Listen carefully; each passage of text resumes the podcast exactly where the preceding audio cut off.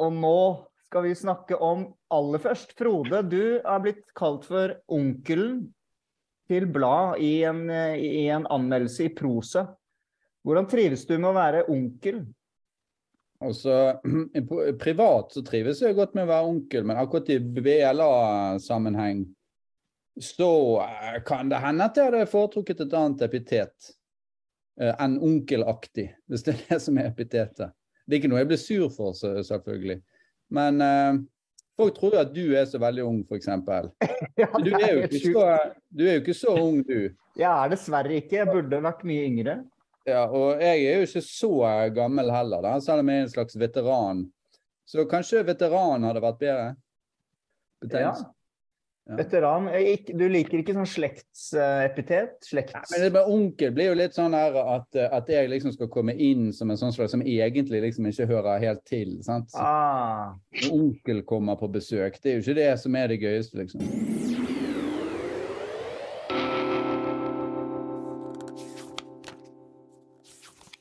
Kjære lytter, medborger, medmenneske og bokvenn, velkommen til denne episoden av Bladpodden. Vi har med oss Frode Helmik Pedersen, litteraturforsker, litteraturkritiker, professor. Ja. Vi har med oss Eirik Riis Mossefinn, redaktør, kritiker, professor. En slags, en slags professor. Ja. Livets professor. Og vi har med oss Eirin Andresen Betten. Og nå, Eirin, for jeg har kalt deg kritiker nå i, i, flere år. Og du har sagt sånn det er lenge siden jeg har skrevet en kritikk. Men du er tilbake nå på ballen som kritiker? Tilbake og tilbake, ja. Jeg skrev én kritikk. Ja, og det mm. passer jo bra, for det er jo temaet i dag er jo kritikk eh, bl.a. om eh, Ketil Rød, eh, som har skrevet en bok om kritikere. Vi skal snakke litt om kritikerforakt, forfatterforakt og i det hele tatt. Og vi skal avslutte litt om biler i litteraturen. Men først Jeg heter Jonas Meyer. Kjære lytter og bokvenn og medborger, bare spol helt til slutten av denne episoden hvis du har lyst til å finne ut hva deltakerne leste på det tidspunktet da vi spilte inn denne episoden. Første spørsmål. Forfatterforakt det blir tatt opp iblant. Er det en forfatterforakt blant kritikerne? Altså at eh, kritikerne, og du skriver om dette, Frode, i siste nummer, at ja, men kritikerne er egentlig sånne forfattere som ikke klarte å bli forfattere, eller eh, hva det nå er. Og så er de egentlig misunnelige, kanskje, eller forakter forfatterne. Um, så det er egentlig spørsmålet. Forakter dere, dere er alle kritikere, forakter dere forfattere? Altså, selvsagt ikke. Men det er to grunner til at, uh, til at den mistanken kan oppstå. da. Uh, og Det ene er jo at uh, mange forfattere skriver dårlige bøker. Dette er jo noe alle vet. sant? men når man da påpeker det offentlig som kritiker, i litt tydelige ordelag, så, så, kan det jo hende at man virker litt foraktfull. Det er nå det. Men så er det en litt annen ting som jeg har tenkt på. Og det er jo det at det er jo noe litt sånn rart med det der å skulle finne på ting hele tiden. Det der å, å være en person som lager personer som ikke finnes i virkeligheten, og som tar de veldig alvorlig, og liksom forlanger at alle mulige skal ta de alvorlig. Så jeg har laget en person som heter Line, liksom. Ta, øh, øh, hun har øh, mistet en hånd i en bilulykke, men likevel klarer hun seg. Altså det er et eller annet Når begynner sånn som det der, så er det noe litt rart med det. Det er noe litt sånn, nesten litt sånn useriøst. Men, men, sånn jo, men, sånn må det jo nesten være, da. Men, så, så, så, men, jeg har forståelse for at forfattere kan liksom kjenne på den der skammen hvis de først, hvis de først merker litt sånn motstand. Da, at, de, at, at, at, de føler seg litt utsatt, rett og slett, og frykter å bli hånet. Ja. Thomas er jo et eksempel på det. Han har jo laget en YouTube-video, den kan du se senere fra, fra, eh, fra gammel tid når jeg var i vinduet. Da, da snakker han om forfatterforakt, Preben Jordal og meg og litt sånn forskjellig. Espedal? Ja, han gjør det. Fordi at ja. han Ja, øh, og sånn. Men, men, øh, men, så jeg forstår dette her. sant? Og det er jo helt klart at det er jo mye lettere å fremstå som veldig sånn seriøs når du er kritiker, og det er iallfall når du er professor. Sånn at øh, jeg skjønner dette her. Jeg skjønner at det kan oppstå en sånn. Så, så, så derfor så vil jeg gjerne understreke at ja, nei, jeg har ikke forfatt- forfatterforakt. Men um, jeg tenker på um, sånne gamle greske forfattere. I antikken så fant de ikke på så mye. Da skrev de ikke sant, ferdige historier, men de skrev det på sin empati igjen. Da. De levde seg inn i det på sine ulike måter. Mm. Så forfatterrollen har jo blitt veldig sånn det å skulle finne på. Men så er det jo virkelighetslitteraturen, da, hvor man henter fra eget liv i stedet for eh, helter og guder og sånn. Det er en måte å slippe unna det på. Og, og, og det er jo et faktum at før, uh, før liksom romanens uh, store æra på Eller den begynner da, 'The Rise of the Novel' på 1700-tallet. Så skrev jo alle, det var ikke bare i antikken, alle skrev velkjente plott. Ja. Altså Der brukte man fra Shakespeare gjorde jo også det ofte, selv om han fant jo på mye, da. Men, men det, det typiske var jo at man brukte enten Bibel, eller man brukte myter, eller man brukte legender, eller ja, sånn, så velkjente plott. Mm. man ga ny form. Og sånn. så det var noe nytt det der med at man plutselig skulle finne på alt fra scratch. På 1700-tallet. Eirin og Eirin, er- forakter du forfattere? Nei. Jeg har jo absolutt ingen grunn til det. um, en, altså hvis, du, hvis det skal være fra et kritikerperspektiv, så har jeg absolutt ikke skrevet noe kritikk til å um, til å kunne ta et standpunkt der. Nei, hvorfor skulle du forakte forfattere? Det er, nei, ser jeg ingen grunn til. Nei. Nei. Fair enough. Hadde det passert en løgndetektortest, tror du? Ja. Være med kritikerne. det skal, vi, det skal vi komme tilbake til. Men da, da går jeg ut fra at du mener det samme, Eirik, at heller ikke du forakter forfattere. Nei, nei, nei, absolutt ikke. I det hele tatt. Men, um, men jeg altså Jeg har tenkt litt på, for jeg blir jo ofte jeg blir mer irritert hvis jeg leser noe jeg ikke liker, enn hvis jeg, hvis jeg ser noe jeg ikke liker. Eh, på en film eller eh, drama eller hva som helst. Sånn at, eller hører en dårlig sang. Eller. Er mer sånn innbitt irritert. Jeg lurer om det kan ha noe med at um, man på en måte gjør det om til sine egne, som om det er mitt eget språk eller mine egne tanker. At, um, Du blir irritert ja, når du leser noe du ikke liker. ja, ja, ja. Og, og blir, men det klør veldig i fingrene. Jeg har lyst til å, å rette opp og gjøre det bra. Ja. Jeg. Jeg kan bli litt sånn um, glad, eller sånn ha-ha, se, se hvor mye bedre jeg er, eller litt sånn derre At det er bra at ikke alle skriver så bra, da. Ja, det er lettelse. Jo, man kan jo bli litt letta, ja. Ja. Det er klart. Så det, det har jeg gjort av og til noen ganger. Hvis jeg har hatt et eller annet jeg skal skrive, så kan jeg øh, gå inn og, og lese noe som, som har blitt publisert et eller annet sted som jeg syns er litt slapt. Og så, ja, ja. Hvis dette passerer, så passerer vel dette. Ja, ja, ja. Nei, men la oss eh, snu på, snu på det her, da. Du var inne på det, Eirin, eh, og Frode skriver om det. Hva med kritikerforakt blant forfatterne? Fordi eh, Frode ga ut bok i år, og Eirin ga ut bok i fjor, og du, Frode, skriver mine, da boken kom ut og den ble anmeldt sånn, mine tanker om kritikerstanden var ikke høye. Jeg fant anmelderne ubalanserte, overfladiske og nokså selvfornøyde. Og så legger du til, men dette er altså ikke noe å klage over. Mm. Ja, og grunnen til at det ikke er noe å klage over, det er jo det at kritikken ikke er for skrevet for forfatteren.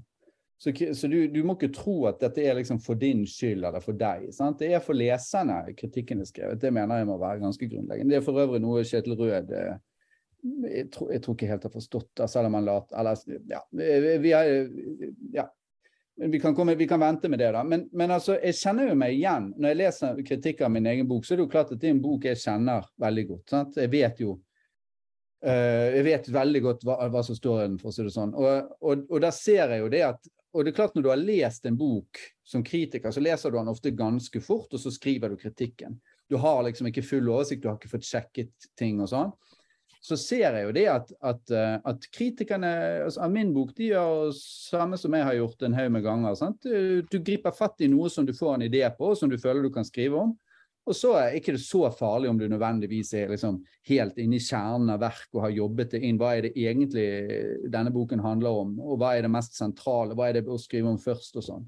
Du skriver litt sånn etter, etter innfallsmetoden. Og det ser jeg jo. Det, det som du føler eh, da, er jo at kanskje at, at, de har hengt seg opp i ting, da, småting, som ikke, som ikke har noe altså, som ikke er noe viktig for meg, eller altså, som vi, Jeg kan godt være enig i kritikken, men det, liksom ikke, det har ikke noe å si den følelsen satt jo en del med, da.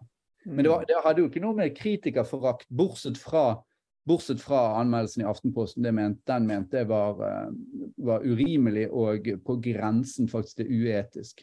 Det, det mener jeg at den var. Uetisk? Ja, det syns jeg faktisk. Men vi trenger ikke å gå, det har, har med karakteristikker av meg å gjøre. Okay. Eh, um, så, men vi trenger ikke å gå inn på det nå. da, så det, La nå det bare være nevnt at det tok uh, ja, altså jeg, eh, ja, jeg har vært igjen, altså jeg følte vel at jeg var igjennom et ganske stort spenn da, av, eh, av anmeldelser, fra anmeldelser jeg likte godt, til, til anmeldelser som jeg ble veldig eh, ned for av. da. Og det ja. gjelder jo alle forfattere. Men det er liksom ikke hovedpoenget mitt. Uh, hovedpoenget er at, uh, at det, er, det, er, uansett det som står i kritikken, er noe jeg som forfatter der må tåle. Eh, det er, ikke, det er ikke, for meg. Og, jeg, og, det skal ikke være sånn. Hvis jeg liksom er kjempefornøyd, så er det kanskje ikke Da er det kanskje også noe galt. sant? Mm. Hva med deg, Eirin? Um, jeg har gått litt og tenkt litt på det her i dag. Um, bare sånn, noen tanker om hva vi skal snakke om i dag. og akkurat, for det er så dukker jo opp det vi, altså det vi snakker om nå, det var jo um, Ja, hopp litt bukk over det. Men uh, um, det med kritikk og kritikere har nå allerede uttalt en gang på den poden her at jeg syns litteraturanmeldelser er litt kjedelig. Um, og ikke noe sånn Ja, det er ikke det jeg um, leser mest av. Um, jeg tror kanskje det har noe med at jeg forventer at når jeg leser en anmeldelse som Så skal jeg vet ikke, jeg skal lære et eller annet. Det er et eller annet der som skal sørge for at jeg eh, vil lese boka. Og jeg syns det er så sjeldent at jeg leser anmeldelser som gjør at jeg har lyst til å lese boka. Jeg leste um, Tidligere i dag så leste jeg anmeldelsen i London Review of Books av Ian McEwans siste roman 'Lessons'. Og nå har jeg lest den boka, altså lest mm. anmeldelsen etterpå. Men nå har jo selvfølgelig de, Det er jo en av uh, Nå har jo de ganske mye rom da, i det, det magasinet der, i motsetning til si Klassekampen, da, når du har en fjerdedels av en dobbeltside, ikke sant. Og det er jo ikke mange tegnene.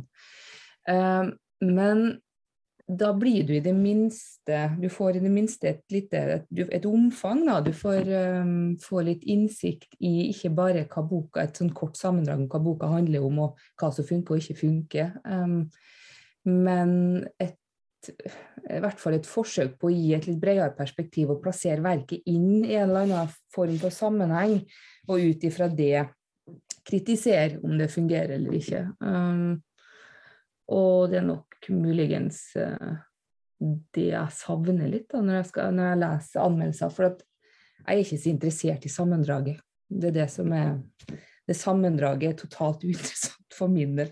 Men nå er det sånn jeg leser anmeldelser, um, og folk må bare for all del være dypt uenig i Forakter du kritikere?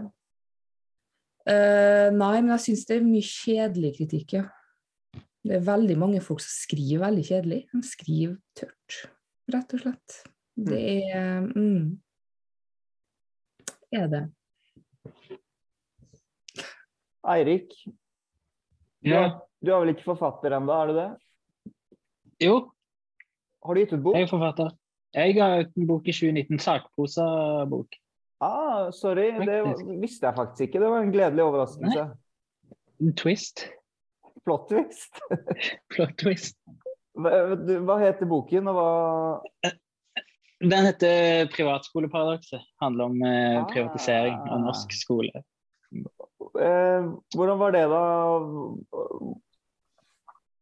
Nei, eh, vi fikk eh, Jeg skrev den sammen med en annen, da. så det var jo litt trygghet i det. Men vi fikk vel et, Vi fikk tre anmeldelser.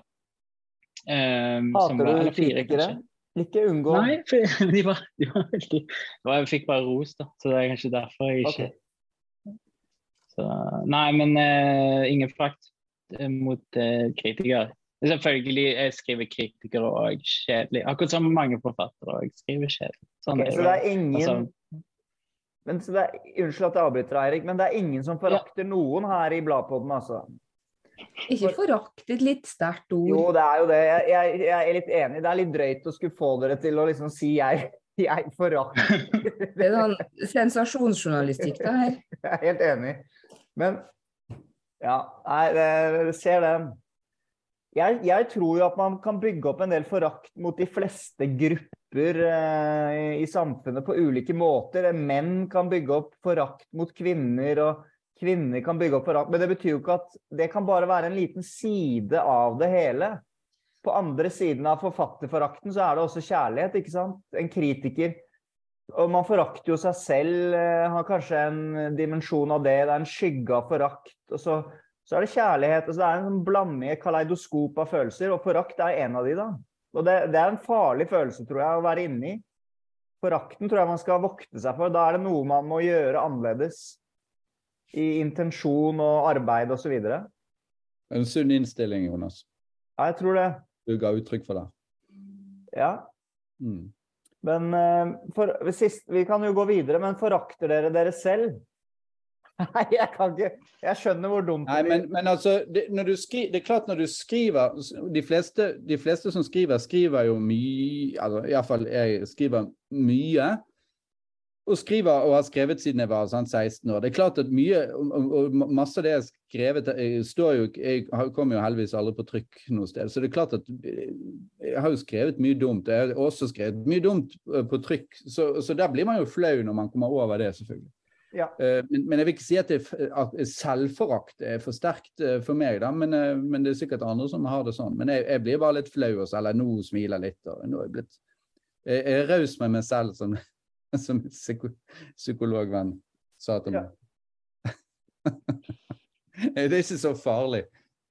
Jeg godtar å tabbe meg litt ut innimellom. Og det verste er vel, eh, som forfatter skulle jeg tro, hva er å bli eh, oversett totalt. Mm.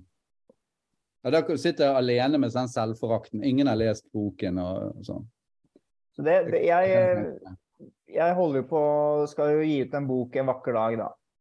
Og jeg, jeg gjør sånn mental øvelse iblant. Jeg liksom ser for meg at alt jeg skriver blir totalt oversett. Er jeg likevel villig til å fortsette? Det tror jeg er viktig, det tror jeg er viktig å finne ut av. Mm. Mm. Ja, for det, Da skriver du for deg sjøl, eller skriver du for anerkjennelse, Jonas? For meg Skriver du fordi du må skrive? Da skriver jeg for eh, ja, ikke sant? Det er et stort spørsmål. Men det er vel, ja, jeg tror jeg kan stille meg litt bak det. Den følelsen av at det er litt nødvendig, da. Men det kan være koketteri òg, hvis man virkelig skal gå med lupe her. Men, eh, men det må være noe dypere enn bare at du skal eh, bli likt av andre. Det, det, er, det tror jeg er livsfarlig. Hvis det er den sterkeste motivasjonen. Ja, Du må- komme inn fra et sted. Ja. Som Søren Kirkegård sa, som, en, som, som trærne folder sin krone, Mm. som fuglen plystrer sin vise. Men han var jo dritforbanna på anmelderne. Mm. Så OK. Det har vært en debatt nå med Kjetil Rød, som skrev en bok, og han mente at kritikken eh, kunne være litt for røff. Eh, han etterlyser litt andre idealer for eh, litteratur- og kunstkritikken. Du har jo lest boken, Kjetil Nei, Kjetil, det er Kjetil Rød, men Frode har lest boken. Er det noe å oppsummere av den debatten, det som kom ut av det? Han har fått mye motstand rundt omkring. Ja, sant, og det måtte han jo, måtte han jo regne med. Men det, altså, det er jo én ting man skal være klar over, uh, som kanskje ikke kommer så godt frem uh, i diskusjonen. og Det er at han skriver både om kunstkritikk og litteraturkritikk. Det er ganske forskjellige ting. Det er veldig forskjellige miljøer og veldig forskjellig kutyme. Og eh, de, når han trekker frem et eksempel, han bruker jo et eksempel fra sin egen kritiske praksis uh, om at han tøffer seg, det er han litt opptatt av. Og så bruker han en tekst som jeg har skrevet, da. Uh, og, og, og tøff, uh, hvor jeg tøffer meg, da. og i den teksten som han selv altså, har skrevet, da, så, så er Altså, Der er det jo veldig lite substans. Han er på en måte bare sier at denne kunstneren har ikke noe nytt å komme med, eller noe sånt. Og så er det en sånn veldig kort oppsummering. Det, det er ikke en full kritikk. Eh, og det er klart at det det, det, det bidrar jo ikke så veldig til den diskusjonen om det kunstverket. Og sånn. Og den teksten som han trakk frem av, av meg, det var en leder i, i Vagant for lenge siden. Jeg er helt enig, det tøffet jeg meg òg. Og det er kanskje unødvendig. Det er helt greit nok. Altså, det er greit nok at det finnes sånne tekster. Men det, det som jeg syns er veldig rart at han mener, hvis vi snakker rent om litteraturkritikk, det er at det liksom er så veldig mye slakter rundt omkring. Det er på ingen måte min erfaring. Sånn at Det, det syns jeg, det synes jeg rett og slett er en feil, en feil virkelighetsbeskrivelse. At det liksom skulle være trenden. Men jeg er enig med han i at, du, at en kritiker skal ikke skrive en slakt for å tøffe seg. En kritiker skal skrive en, en slakt fordi at slakten er mest i tråd med den vurderingen som kritikeren har gjort, altså lesererfaringen. Så, så, så, det der er Men det, det, som jeg tror kanskje Som jeg kanskje vil si, da om noe som Hvis du hadde vært i Dagsnytt 18 nå, så hadde du sagt jo, men han er ikke her for å forsvare seg. Så det er liksom grenser for hvor, hvor hardt jeg kan ta i her, da. Men jeg vil jo si iallfall at jeg tror kanskje ikke at Kjetil Rød er fullt ut oppmerksom på at de dilemmaene han skildrer i den boken, er ting som kritikere tenker på hele tiden, diskuterer hele tiden. Så det er det, det meste av dette er, er, på en måte helt sånn velkjent stoff. Um, og, og, det er det ene jeg vil si. Det er kanskje litt lite nytt. Og det andre er at, uh, at han i altfor stor grad impliserer Jeg har skrevet 'forutsetter' et sted, i BLA var det vel, og det blir han veldig sånn Det gjør han ikke. Vel, impliserer iallfall at kritikken er skrevet for forfatteren. Og dermed så blir liksom kjærlighetshandlingen overfor forfatteren og sånn. Men, men, det mener jeg er feil. Det er derfor jeg snakker om klav, klamme omfavnelser i min kritikk av Rød. Rød. Jeg vil ikke lese klamme omfavnelser mellom kritiker og forfatter. Jeg vil lese en kritisk tekst henvendt til leseren. Snappy, morsom, underholdende, energisk. Det vil jeg ha. Uh, og, og, om da forfatterens uh, følelser blir såret, uh, bryr ikke meg som leser. Men det er klart han må jo få leseren med seg. Hvis, frem, hvis kritikeren fremstår som usympatisk eller unødig, liksom sånn kjip og sånn, så, så, er det jo ikke noe gøy å lese han for noen. Så, så, så det er nå så. Men jeg syns også kanskje en ting til, og det er at, at Kjetil Rød er veldig tidstypisk når han snakker om dette med at man må være forsiktig med at noen får liksom krenket sine følelser og sånn. Og han til og med i den debatten med meg på, i Stavanger, som jeg henviste til i BLA, eh, det var på kapittelfestivalen, ja, ja, jeg tror det var det, så, så sa han til og med hatytringer. Han, han kalte det for hatytringer på kritikeren. Det mener jeg er å gå så langt utover alle støvleskaft at det, det ligner ingenting. Hatytringer er jo forbudt. Det er jo kriminelt. Det er jo en kriminalisering av litteraturkritikk han, han driver på med der. Så det mener, der jeg mener han tar helt feil. Eh, så har han trukket det tilbake og litt sånn ja. Men en kritiker kan ikke være så tidstypisk som Kjetil Rød er i den boken. En kritiker skal alltid være skeptisk til moter og trender. Det mener jeg. Men jeg er enig med han i at det vi gjør som kritikere og forfattere, er på et grunnleggende nivå båret opp av kjærlighet. Det er jeg enig med han. Uh, uten kjærlighet så ville alt vært meningsløst. Da kunne vi bare lagt oss ned og overgitt oss til evigheten med en gang. Som sånn Ja, sånn sulte i hjel, liksom?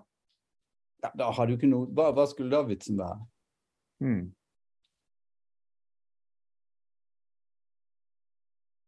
Kjærlighet um ligger under eh, ethvert kritisk virke og enhver um, Enhver livshandling. Alt vil jo være tett uten kjærlighet. Skulle, ja. Altså, ja, det er klart det. Mm. Der, er, der er paulinsk. Kommentarer fra Eirik og Eirin? Jeg har ikke lest Røs i bok, så jeg vet ikke helt om um, ja, men ut fra det Frode sa? Det er ikke så mye å være uenig i, da. for å være helt ærlig.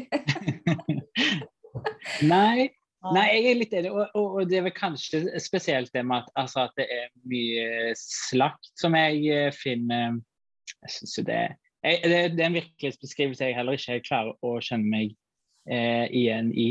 Men så er det jo dette aspektet da, med, med kunst og, og, litteraturkritikk som to ulike bolker. Noen ganger når jeg leser kunstkritikk, så oppfatter jeg den er noe hardere i, i, i klypen. da.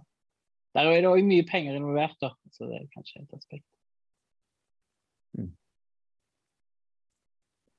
OK, men um, la oss uh, sveipe innom den andre store debatten som har vært i det siste, som også har handlet om litteraturkritikk, nemlig den um, Mikkel Vika var vel den første novelleforfatteren som skrev om dette. Og så er det Agnar Lirhus som virkelig rettet fokus mot det med en kronikk i Aftenposten Eh, om at eh, sant, det er noen store forfattere som får all oppmerksomheten, og at dette har blitt mer og mer de siste årene.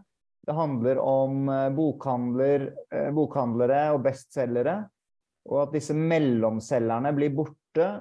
Og at sentrerer seg, oppmerksomheten liksom sentrerer seg rundt noen.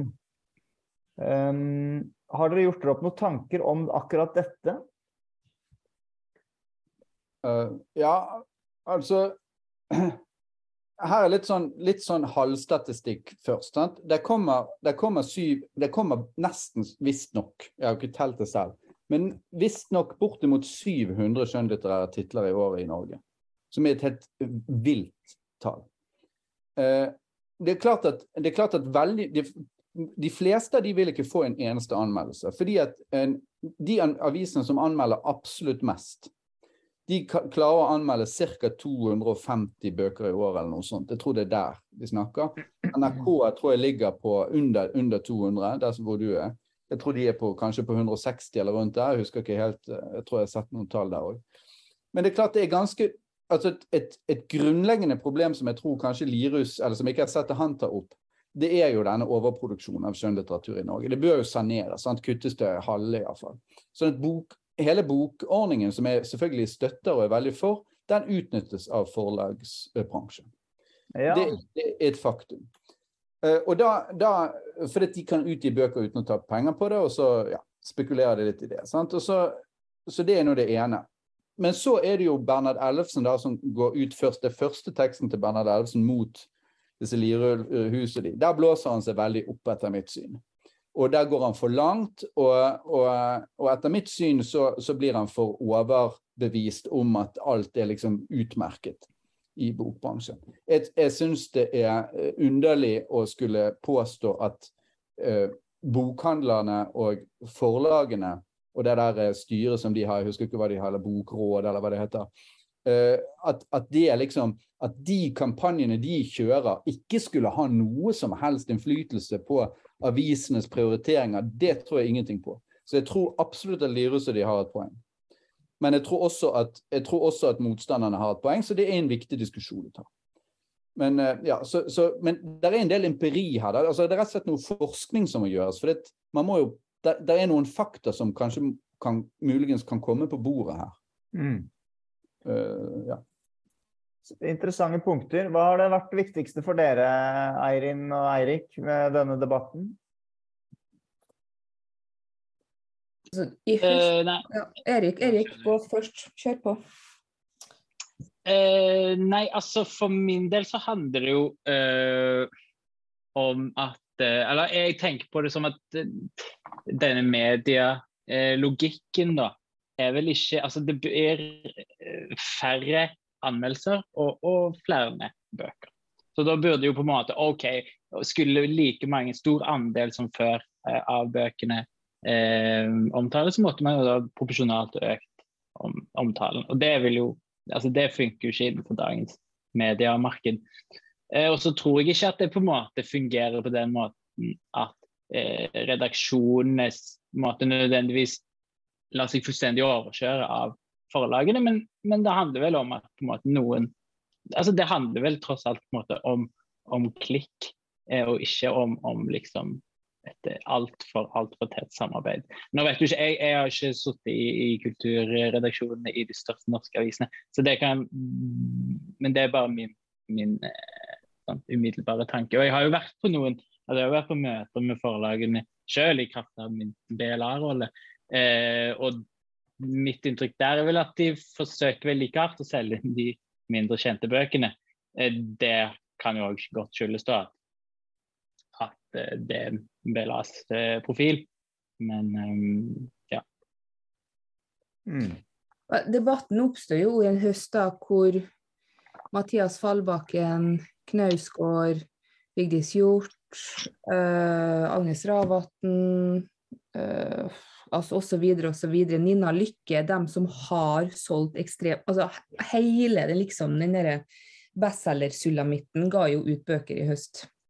Så det var jo et eh, sånn sett et riktig tidspunkt for debatten, men det falt jo òg på et tidspunkt hvor alle dem som vil selge veldig mange bøker, ga ut bøker samtidig. Så neste høst f.eks.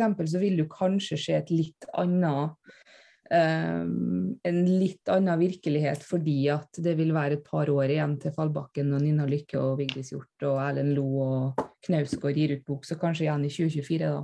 Men er det ikke mye best Er det ikke ganske mange sånne Jo da, det kan godt hende, men uh, er ikke da, dem, dem som har kommet ut i høst, er vel dem som selger ja, absolutt ja, mest bøker. Og alle sammen ga ut bøker i høst. Bra timing på det, liksom. Ja.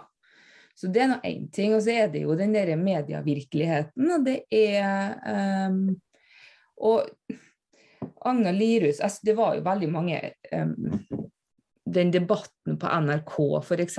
hvor Espen Aas litt sånn uh, på litt sånn halvfestlig vis uh, hevder at uh, Lirus setter i gang den debatten her fordi at han furter over at han ikke selger bøker. Uh, er jo en, egentlig en litt sånn hårreisende eh, uttalelse. For det var jo aldri Lirus sitt poeng. Poenget er vel um, et, en bredere dekning. Men bokhandlere og forlag, uh, som alt annet, har som et av sine fremste formål å selge. Selge og selge og selge. Så det er Um, jeg er strengt tatt ikke så veldig overraska over uh, noe av det her, men um, um, Lirus har jo et, et, godt poeng, for hvis det skal leses bredt, så må det gjøres noe. Så, så må det, det, må dekkes litt annerledes. Kanskje rett og slett jeg vet ikke. Kanskje om det er noen store idéromaner som gis ut av forfattere som ikke selger så veldig masse bøker, så må de finne en måte å, å fremme dem på hvis de har lyst til å skape nye forfattere som skal være nye bestselgere. Um, men det er vel det evige problemet, det her, da. Og som Bernhard Ellefsen sier, det finnes vel ikke et eneste oversett geni i norsk, i norsk eh, litterær offentlighet. Så Tror dere på det? Ja, nei, det er jeg ikke så sikker på. Det er ikke så sikker mm. på at han kan vite så, så han, Det er jo subjektivt. Han, ja, men han Vel. Ja, det vet jeg nå ikke. Geni er sterkt eksakt. Men, eh, det, sånn, men, men altså um, Han postulerer jo det bare, og det har han gjort mange ganger. Ja. Det er jo bare et postulat. Altså, for, for det, det, er jo ingen som leser de 700 bøkene. Så han går jo bare ut fra at, uh, at det, ville, det ville liksom dukke opp hvis, hvis, det var en av de som var veldig god. Det er jeg ikke så, så, så sikker på. Så det, til, til, veldig gode forfattere som sliter med å få oppmerksomhet, så vil jeg jo bare si stå på. Sant? Du må kanskje ha fem-seks mhm. bøker. Mm -hmm før, ja. du, får god nok oppmerksomhet. Og da vil folk lese de tidligere bøkene dine mm. også. Uh, sånn at uh, Ja, men, men, men jeg, litt, jeg, reagerer jo litt på den retorikken til Lirus når det gjelder altså Der er jeg litt sånn enig med, med Bernhard Ellefsen, fordi det der med at de er kjendisforfattere og bestselgere altså De som er de største bestselgerne, får jo ikke anmeldelser. Det er jo veldig lite anmeldelser av krim og, og, og, og all slags sånn lødig, eller underlødighet eller litteratur. Populærlitteratur, da. Sånn at Det er ikke snakk om bestselger, det er snakk om de som er regnet, de som har høy status, som er regnet som eh, gode forfattere, velkjente navn og sånn. De får mer oppmerksomhet. Det er ikke så veldig unaturlig, og det er vel ikke heller så merkelig å anta at de også er bedre, da. I utgangspunktet. Eh, altså at uh, Men, men det, det, det har jo kommet opp, eh, det har jo kommet opp der, eller Vi hadde jo et kritikerseminar i Bergen, og det kom jo opp noen titler der som, som, eh, som folk uh, mente hadde blitt oversett, og som var kjempegode. Hvilke da? Ja, det var et eller, annet med, med, ja, et eller annet med 'Hvordan være bonde', eller er det noen som har hørt om det? En romantittel som, som har bonde i tittelen. Ja, ja, ja. Du er bonde, du er bonde tror jeg den heter. Vent litt, skal vi google det kjapt? Hvis det er riktig. Eh, roman Du er bonde. Kristin Austad Danielsen. Ja, Kristin Austad Danielsen, du er bonde. Det stemmer. Den, ja, den eh, var det to eh, av de tilstedeværende kritikerne som løftet frem som, som kjempegode, og som hadde fått veldig liten oppmerksomhet.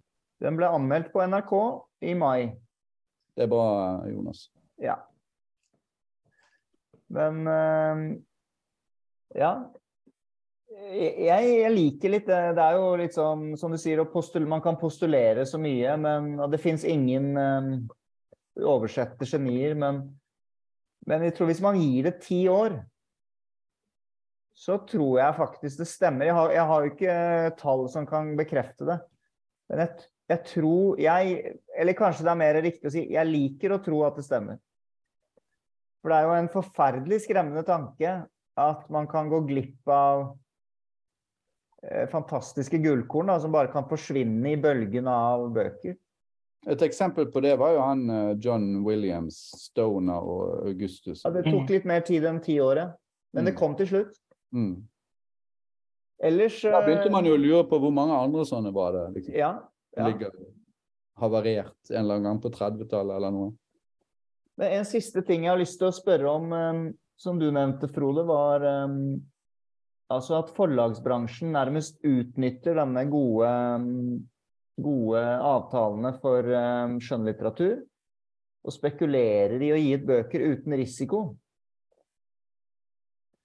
Ja, spekulerer, du kan jo kalle det hva du vil. De, de har iallfall de, de gir ut for mye fordi at de ikke risikerer noe. sant? Men hva er altern... Det er jo en slags sånn tillits... eh, egentlig tillitsbasert system. For det at hvis du, skulle, hvis du først skulle si det at nei, de må risikere noe mer, da må, få, vil du jo få en annen bokordning. Da ville du f.eks. få en ordning som ligner mer på den sakprosaordningen vi har. Hvor, hvor terskel, Nå er jo det sånn at det er nedre terskel for skjønnlitteratur. Det er bare skjønnlitteratur som er så dårlig at det liksom er under, under sånn som bunn. De ble såkalt nullet. Mens med sakprosa så er det jo en terskel opp. sant? Altså Det er de, som man, det er de bøkene som, som denne eh, juryen eller komiteen mener er særlig viktig at alle bibliotekene har som blir kjøpt inn. Og det er bare et mindretall. Eh, Og Man kunne jo sett for seg en sånn ordning med skjønnlitteratur òg, men da hadde, da hadde hele den norske bokordningen eh, på en måte kollapset. Så det er et tillitssystem, og derfor så mener jeg at forlagene bør selv skjerpe inn, rett og slett. Det må, og, de, og det må være kvali kvalitetsorientert. Ja. De utgir rett og slett feil. Det er tak. Men du, du kunne jo forestille deg en sånn situasjon hvor, hvor man hadde et system hvor, hvor forlagene rett og slett hadde, fikk et tak. Du hadde, jeg har ikke lov å på, melde på flere enn så og så mange per år. Det kunne man også sett for seg. Så et eller annet, det, det, alt mulig går jo an å gjøre. Men noe, jeg tror kanskje noe må gjøres. For er, det, det, det forekommer med at kanskje ordningen er i ferd med å krakelere litt nå. Nå er det jo snakk om denne nye normalkontrakten, så det der ja. forfatter eh, andre laget der. Uh, hva heter de da? Forfatter... Forfatterklubben. Nei. Ja, ja, ja. Iallfall det som er De er vel egentlig LO-organisert. Ja. Eh, og, og, har, og, og i ferd med visstnok å Eller er visst, ja, eh, fremforhandle en ny normalkontrakt. Ja, nei, men jeg, jeg sitter med den følelsen av at man Men sånn er det på mange områder i samfunnet. At, at, man, at vi lever i en slags endetid. Forfatterforbundet. Og at Ja, man, ser, ja, man kommer til å se tilbake på denne tiden som den gangen da man hadde denne avtalen, og nå er det blitt rått og kynisk og vanskelig, og at det går mot en slutt. Det er litt den følelsen jeg sitter med, da. Litt at, Eh. apropos litteraturens slutt. Ja. Han, han sier vel at, at eh, Eller hans tanke er vel at litteraturen som, som dette liksom eh, kulturelle sentrumet for i, I kulturen, da, er, er i ferd med å, å forsvinne. Men det vil fortsatt finnes eh, litteratur, men det vil være mer av en, en slags eh, subkultur på lik linje som andre kunstformer. Ja. Jeg bare lånte den tittelen på bokavtalen, da. Ja. Hva snakker dere om nå? Nei, jeg Det var altså Den boktittelen, 'Litteraturen slutt', det er han svenske litteraturforskeren. Ja. Mm. Jeg bare brukte den tittelen på det at jeg, jeg, sitter med følelsen av at vi, at vi lever i en slags endetid for de gode vilkårene for forfattere i Norge. Men det som Eirik gjengir der, det har jo skjedd for lenge siden. Det er jo, det er jo virkelig gammelt nytt. Altså, og, det, og for, for, meg som, som, har holdt veldig mye på med 1800-tallet, så er jo det helt klinkende klart. Det har skjedd for eh, ja, og, altså, ja det, Så det er virkelig eh, en ganske sen diagnose han kommer med der. da. Mm. Altså, tenk deg, tenk deg en situasjon hvor alle sitter og venter på den siste utgaven, eller den siste boken til, til Ibsen. Den kommer med båten fra København. sant? De står nærmest på havnen, og alle, alle avisene kjører det opp på forsiden. Ikke, ikke bare anmeldelsen, men nyheten om boken. Bare, bare det som førsteinntrykk. Uh, og, og, der sitter det banksjefer, det sitter embetsmenn, det sitter forretningsfolk, og det sitter alle sitter der. Fantastisk. Det er helt, helt i kjernen av kulturen. Og det, og, men, men, det er han Hva er det han heter, han svenske nå igjen? Johansson. Johansson. Anders Johansson. Ja, og med forbehold om at det, da kjenner det veldig sånn på hørensagen, så, så, så, har han jo litt rett i det at litteraturen har jo beholdt sin status i forhold til veldig mange andre kunstarter, f.eks. på kritikkens domene. Altså kritikk, mm.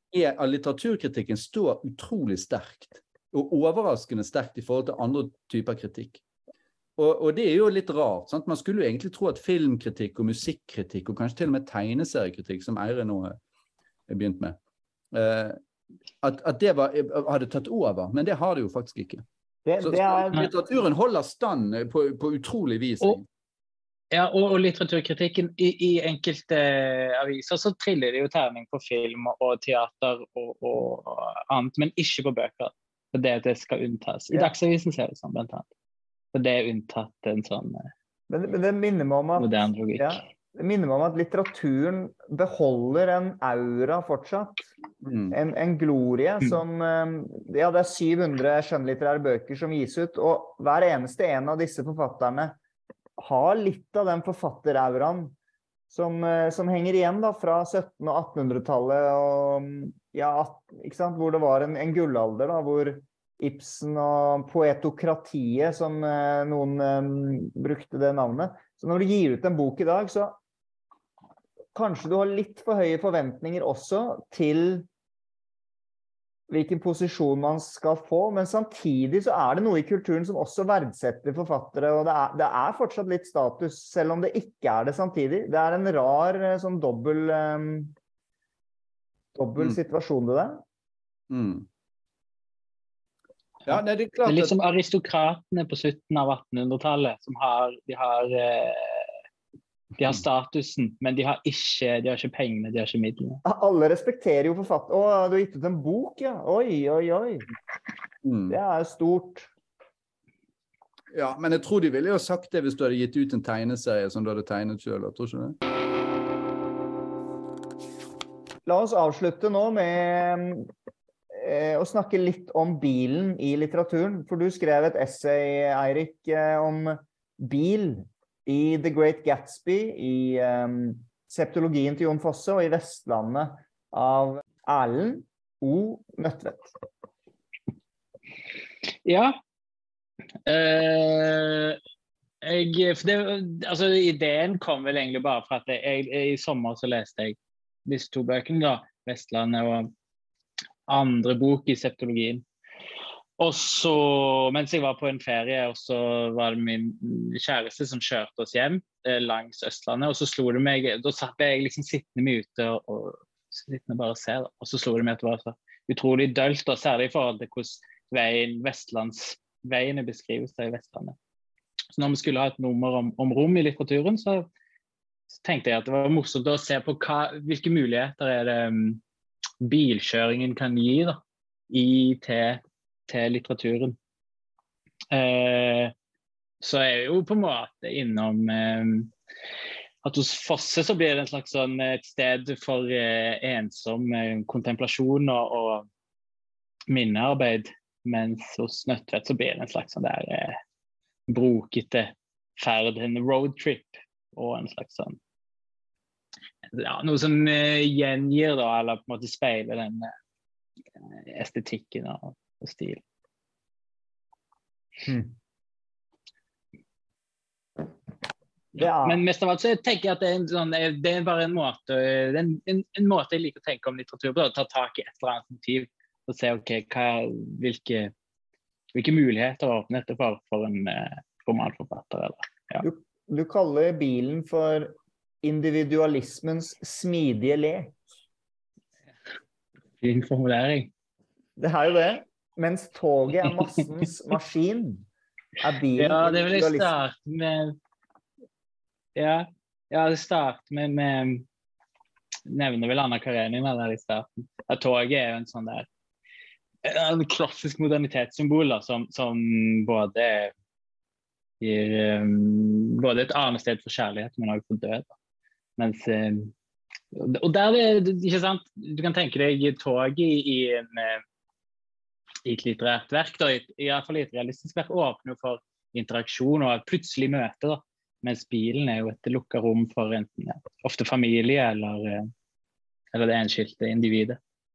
Knausgård er jo han skriver jo masse om bil. eh, hvor herlig det er å sitte alene i bilen og høre på, på musikk. Da. Ja. Jeg tror um, Har dere noe forhold til bøker om biler, Eirin og Frode? Ikke bøker om biler, det er feil å si, men bøker der bil spiller en, en eller annen rolle? Jo ganske mange, da. Um, spesielt amerikansk litteratur, og det har jo med USA egentlig mer et uh, kontinent enn et enkelt land. Du har jo The Grapes of Wrath, f.eks., hvor de kjører eh, em, fra, sentrale, fra sentrale USA og ut til, til vestkysten. Du har jo On the Road of Kerouac, som er kanskje et av de mest kjente verkene.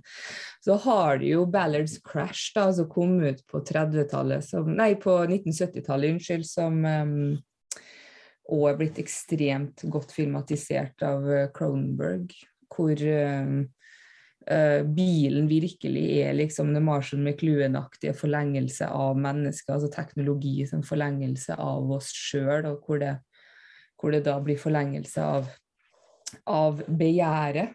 Um, ja, jeg kunne sikkert holdt på, det er mange andre eksempel. Um, men bilen er jo etter andre verdenskrig spesielt, og i hvert fall i den amerikanske litteraturen, så står jo bilen veldig sterkt. I Don DeLillos Cosmopolis Nei, jo, ikke? Jo, Cosmopolis. Og så Jo. har du jo som det hele filmen, nei, hele boka unnskyld, foregår omtrent i bilen. Og i hans sin sekvens um, The Toxic Airborne Event i White Noise, så er det jo familien som kjører inn i den her skyen. Det er jo en episk, et episk kapittel uh, i White Noise. Um, hvor det da òg får Da har du jo hele familiesituasjonen, da. Um, og så videre, ja. Jeg tror Philip Ross har jo en del Bruker jo bilen som til en plass for å komme seg unna, f.eks. I hvert fall eh, fordi at mye av Ross sitt forfatterskap består jo av ganske sånne klamme sosiale situasjoner hvor bilen oppstår plutselig som en anledning til å fjerne seg fra de situasjonene. Privatlivet kan oppstå i bilen. Når du snakker, Eirin, så lurer jeg alltid på hvordan Men det får vi snakke om i en annen episode. Hvordan ble du så orientert mot ehm, eh, anglo, den angloamerikanske og britiske tradisjonen? Um, det vet jeg ikke. Nei, sikkert noen forelesere helt sånn Ja. på starten. Jeg begynte å studere Domino uh, Mitchell f.eks. på NTNU. Vi hadde et introduksjonsfag i engelsk hvor vi leste uh, primært britisk og amerikansk litteratur. Veldig godt fag, var sånn introkurs. Og så jeg til England, og da hadde jeg bare hadde masse amerikansk litteratur og britisk litteratur. Ja. Men det må jo være noe i det at det er mye bil i USA i litteraturen, for det er mye bil. De går jo ikke så mye hit og dit. Nei, det er jo, på, altså, det er jo avstander. Det er jo altså det at Vestlandet, det, det norske Vestlandet Mm. har litt altså bøker om bil på det norske Vestlandet, er jo heller ikke så rart. For Nei. der er jo snakk om avstander. Nær vet nå fortsatt ikke om et eneste norsk verk da, som handler om avstandene i Nord-Trøndelag, f.eks., som er muligens det kjedeligste strekket i hele Norge. Mellom Sør-Trøndelag og, og, Nordland. Um, men for all del De som har lyst til å skrive den boka, det, det kan, jo bli, kan, jo være utfordrende. Hmm. Mm. Men en, en motvekt da, mot uh, disse eksemplene er jo uh, 25. september-plassen av Solstad. For der er, der er, liksom den generasjonen som kommer etter den, de som, uh, de som begynte å arbeide like etter andre verdenskrigen, altså den unge arbeidsstokken etter andre verdenskrig, deres barn, de ble jo da apolitiske. Og så ble de opptatt av biler. Og så kjører de rundt, og så tror de at de har funnet friheten, den individuelle friheten, sånn som Solstad fremstiller det. Og så avsløres det gradvis som en sånn tom frihet, for det har ingen, det har ingen fremtid, og det har ingen substans, så å si. Sånn at Der handler det jo om hvordan han da ene, Aksel Nyland er det vel han heter, eh, hvordan han da etter hvert blir eldre, og så skiftes den gjengen som står nede i, i, midt i byen i Halden med bilene sine, de skiftes ut. Det er ingen han kjenner lenger. Han har ingenting, har, dermed har han ingenting igjen av den der frihetsfølelsen med bilen sin. Så da må han på en måte finne noe nytt. Og det han finner, er jo da selvfølgelig eh, kommunismen. da. Um, og, og, kjærligheten i form av en, en, en kvinnelig kommunist som heter Doril. Men uh, ja, så, så, der er liksom den kritikken. Og, og det er jo uh, så, og det er jo klart det er en, på mange måter en antikapitalistisk og antiamerikansk roman. Eller en antiamerikansk roman i den forstand at, at uh, USA representerer alt det ML-ene og Solstad var imot. Kapitalismen og imperialismen og Nato. Ja, så, så der får du det. Der, der får du den. Ja. Han er også kjent for Dag Solstad å si at alle, de fleste store forfattere ikke har lappen. Ja, ja. Ja da. Det, det er et empirisk spørsmål. Men i den, i den der siste og, men, men, det er sant det med de amerikanske. og jeg, jeg la jo merke til, Det var en vittig scene i den siste boken til Cormac McCarthy som heter The Passenger. Ja. Han, han, Western, Bobby Western, som er hovedpersonen der, han var tidligere Formel 2-kjører i Europa. Så ga han det opp, og han var fysiker og sånn, så for han var det egentlig et snakk om å være en, en ingeniør, en bilingeniør. Altså han måtte bygge bil for at den skulle bli liksom best mulig. da. Og Der er det en litt vittig scene når han, han har en Maserati borte i USA, og så skal han kjøre og besøke bestemoren, og så spør eh, hun som han snakker med, hvor, hvor langt er det da? Jo, det er da oversatt i kilometer, ca. 970 km. Eh, og så sier han, og så spør han ja, hvor lang tid tar det da? Nei, seks timer. Og da har han tenkt å kjøre jævlig fort, for å si det sånn. Og det, det gjør han òg. Maseratien din, som han selv har, som han selv har uh, justert. Ja. Yes.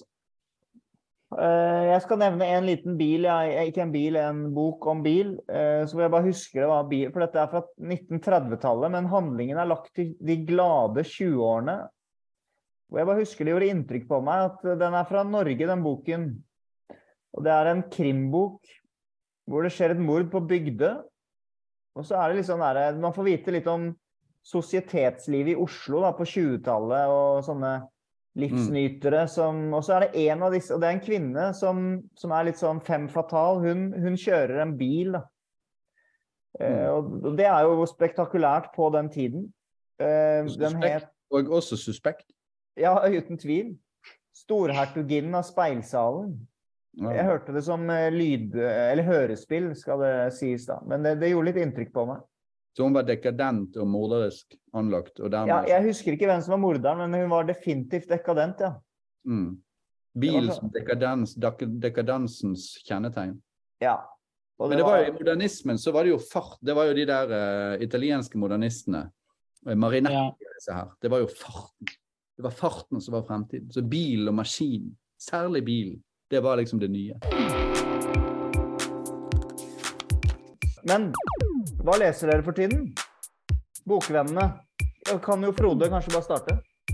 Uh, ja, altså nå, uh, nå uh, gjenleser jeg akkurat for øyeblikket 'Imot kunsten' av Thomas Espedal, fordi jeg skal intervjue ham. Sånn at, og den der 'Imot kunsten' er jo eh, husket er jo som god, og den er virkelig veldig god. Så jeg tror at det er, vil bli stående som et høydepunkt i hans forfatterskap. Og det har litt å gjøre med måten han veksler mellom ulike tider på. Hvordan han liksom klarer å skape en følelse av samtidighet. At alle tider på sett og vis eksisterer samtidig. Um, eller iallfall at historien er noe som lever med oss da, uh, mens vi står og går her i denne verden. Uh, og, og at den er både liksom personlig og sosial og liksom samfunnsmessig større. Uh, så, så, det er en veldig sånn sterk sånn fortidsnærvær som man får frem her. Og veldig sånne briljante overganger med at han er inni eh, f.eks. seg selv, og så plutselig er han inni, eh, inni sin eh, farfar, f.eks. Eh, da han var liten. Eh, og sånn at Det vi her egentlig ser, er et, et, vil jeg si, et dypt empatisk verk. Eh, som vi vet så forutsetter all empati fantasi. Eh, og dikterisk fantasi, det er jo ikke eh, Det er jo ikke det å finne på ting. Alle kan jo finne på rare ting. Eh, det dikterisk fantasi handler om, er å leve seg inn i mennesker og i steder og i tider. Og gjøre dem liksom eh, levende, da. Eh, og det syns jeg han får til veldig, veldig fint. i denne. Altså, det var en utrolig flott uh, oppsummering og inngang til det verket. Og inngang til litteraturens, et av litteraturens mange mål. Uh, ikke mål, men uh, funksjoner. Eirik, Ja. Uh, jeg holder jo fortsatt på med, med, med Trolldomsfjellet. Uh, og nå går et nytt eh, blad i trykken snart, så, så da har det blitt mest lesing av, av skribenters tekster, da. blant annet deg, Jonas. ja. Som har noe spennende på gang. Eh, men så har jeg òg lest eh, 'Litteraturens slut' av Sven Anders Johansson. Hey. Som var i, han var eh, i Oslo forrige uke. Og det kommer faktisk et intervju med han òg i neste blad. Bra, Eh, bra bo- jobbet. Ja, han eh, skriver iallfall om, om at litteraturen er i ferd med å Eller litteraturens autonomi er trua, da. Eh, mener han da av en slags ja, teknologi og moralistiske tendenser i, i eh, kulturen. Um, altså, vi hadde en god, en god prat nå forrige uke, så da kom det en liten oppfølger på den boken, da, kan man si, i, i neste blad. Fantastisk. Vi, vi går videre. Eirin. Jeg holder òg på med Trolldomsfjellet, så litt ordstykk. Dette liker Frode. Han sender Ja. bare tomler opp hele veien. Trolldomsfjellet. Um, men jeg er, Jeg ser om jeg klarer å få Altså- tommel opp etterpå. jeg er 100 sider inn i boka, så det er ikke noe jeg skal begynne å uttale meg sånn uh, veldig mye om. Men um, vi snakka jo sist om eh, det å liksom fullføre bøker, da. Og det har vært, eh, det var sånn, det har vært et tårn i det siste. Men jeg fikk endelig lest ferdig Einar Duenger Bøens bok eh, 'Teknologiens filosofi'. Um, som handler om kunstig intelligens og de problemstillingene som vi står overfor med tanke på kunstig intelligens, og om vi kan utvikle det som kalles en AGI, um, altså en Artificial General Intelligence, som, er, som lærer å lære seg sjøl, da. Eh, om den består Turing-testen, f.eks. Um, og egentlig en altså en filosofering over hva, hva bevissthet er for noe, og hva kunnskap er for noe, og hvordan en kan trene opp maskiner til å eh, være lik mennesket. Men konklusjonen er jo at det er kunstig for en grunn. Kunstige intelligensen eh, muligens Altså, den vil ha sine problemer og utfordringer, men kanskje vi, det vil ikke vil være så skummelt som vi tror, tror det vil være. da, Den her singulariteten, på en måte, den Det er sånn som det er nå, så er det og forblir en, eh, ja, en slags science fiction-aktig tanke. Da. Men ei ekstremt god bok. Veldig, veldig godt skrevet. Um, Skriver han om Lambda? Hmm? Skriver han om Lambda? Nei, det, den kom vel ut før Lambda kom den ikke ut i fjor. Du er så opptatt av Lambda-opplegget. Eh, Den kom ut i år, i, eh, kom ut 2022, men jeg tror den kom ut på starten av året. Ok. Altså, Lambda er jo en svak AI. Sant? Det er jo en, det er jo, den kan bare det den gjør, og det å konversere. Du får ikke den til å gjøre an, altså andre funksjoner, f.eks. Du kan ikke programmere Lambda til å um, operere på et menneske, f.eks. Det får du ikke til. Sant? Den har bare den ene funksjonen, og det er bare for at den er blitt fôra med så ekstreme mengder datasett at den får til å konversere på den måten. der. Det som jeg lurer på når det gjelder uh, sånn AI hvis de, så, hvis, de, hvis de er så jævlig intelligente, de maskinene, og de er så flinke med det der, hvorfor klarer ikke de å lage en mygg? Eller en måke? Eller en rotte? Som er like intelligent, og som kan gjøre alle de tingene som de kan? De klarer det jo ikke. Nei, men det er jo fordi at de går rundt, så er de helt ute av kontroll, og trynerne ser ut som sånne store klossmajorer. Har du sett en måke som griper en stykke eh, fisk som du slenger til den, liksom? Ja. Prøv det til. Det, det er jo fordi at maskinene ikke er smart nok. Det er så enkelt så det. det er jo, Én ting er jo å, å, å programmere den selve AI-en som, som i Lambda, da, som konverserer f.eks., men noe annet er jo den robotaktige greia. Og det er jo to forskjellige ting, da. Det er nettopp det de er veldig dårlige på, et- sånn som jeg kan vurdere det. i hvert fall. Ja, og så er det jo det er med, med fysisk bevegelse, altså Ja. bevegelse i rom. Men det de får til, da, er jo altså med, det du ser, det du ser i, i, i medisin og utvikling av medisin, er jo at nå foregår veldig masse sånne fjernoperasjoner. Så der har de jo greid å utvikle teknikk for eksempel, som er ekstremt presis, som kan utføre operasjoner på, på mennesker hvis en lege f.eks. er en annen plass og ikke kan være med. Så Mm. styrer så fjernstyring av maskiner. Det er jo akkurat Um, intelligens. Det er jo akkurat intelligens. Det er Nei, så, men det er jo for det er jo to forskjellige ting. Mm. Ja. Så det der greier med at du plasserer en såkalt kunstig intelligens inni noe som ligner på en robot, er jo egentlig bare å smelle to forskjellige teknikker sammen. Mm. Um, og så bare for å få det til å ligne på mennesket, fordi at den kunstige intelligensen skal liksom imitere et menneske, da, og det er jo ikke det den egentlig gjør. Den er jo sin egen form for bevissthet, eller en egen Jeg merker um, Nettopp. Det, Dere har en sterk nei, det, det skal ikke jeg legge ord i munnen deres, men dere har forakt. Dere har forakt for teknologien. Nei, absolutt ikke. Det er det motsatte av forakt, Jonas. Det er faktisk helt inter det er interessante problemstillinger. Det er absolutt ikke forakt. Nei. Nei. Spiesisme kaller man det hvis man ikke godtar andre arter. Uh, Jeg husker deg. Jeg husker Eirin. Eirin ville jo uten å blunke ha kastet Mac-en sin over bord for å redde et menneskeliv. Ja. Ja, Det er forkastelig. Ja, det er helt grusomt. Vel, vel. Men dere, nå vil jeg fortelle hva jeg, hva jeg leser, og nå skal dere Dette kan ta litt tid, fordi Først så sa folk at Maggie Nelson var så utrolig bra.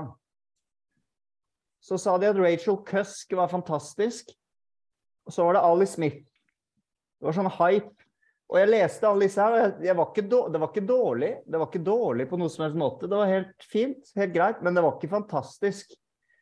Og nå kom det en ny forfatter som jeg plukket opp i sånne not blurbs og her og der. Claire Louise Bennett. I feel you, bro. Og for, ja, men for en gangs skyld så var det fan, jævlig bra. Jeg er enig.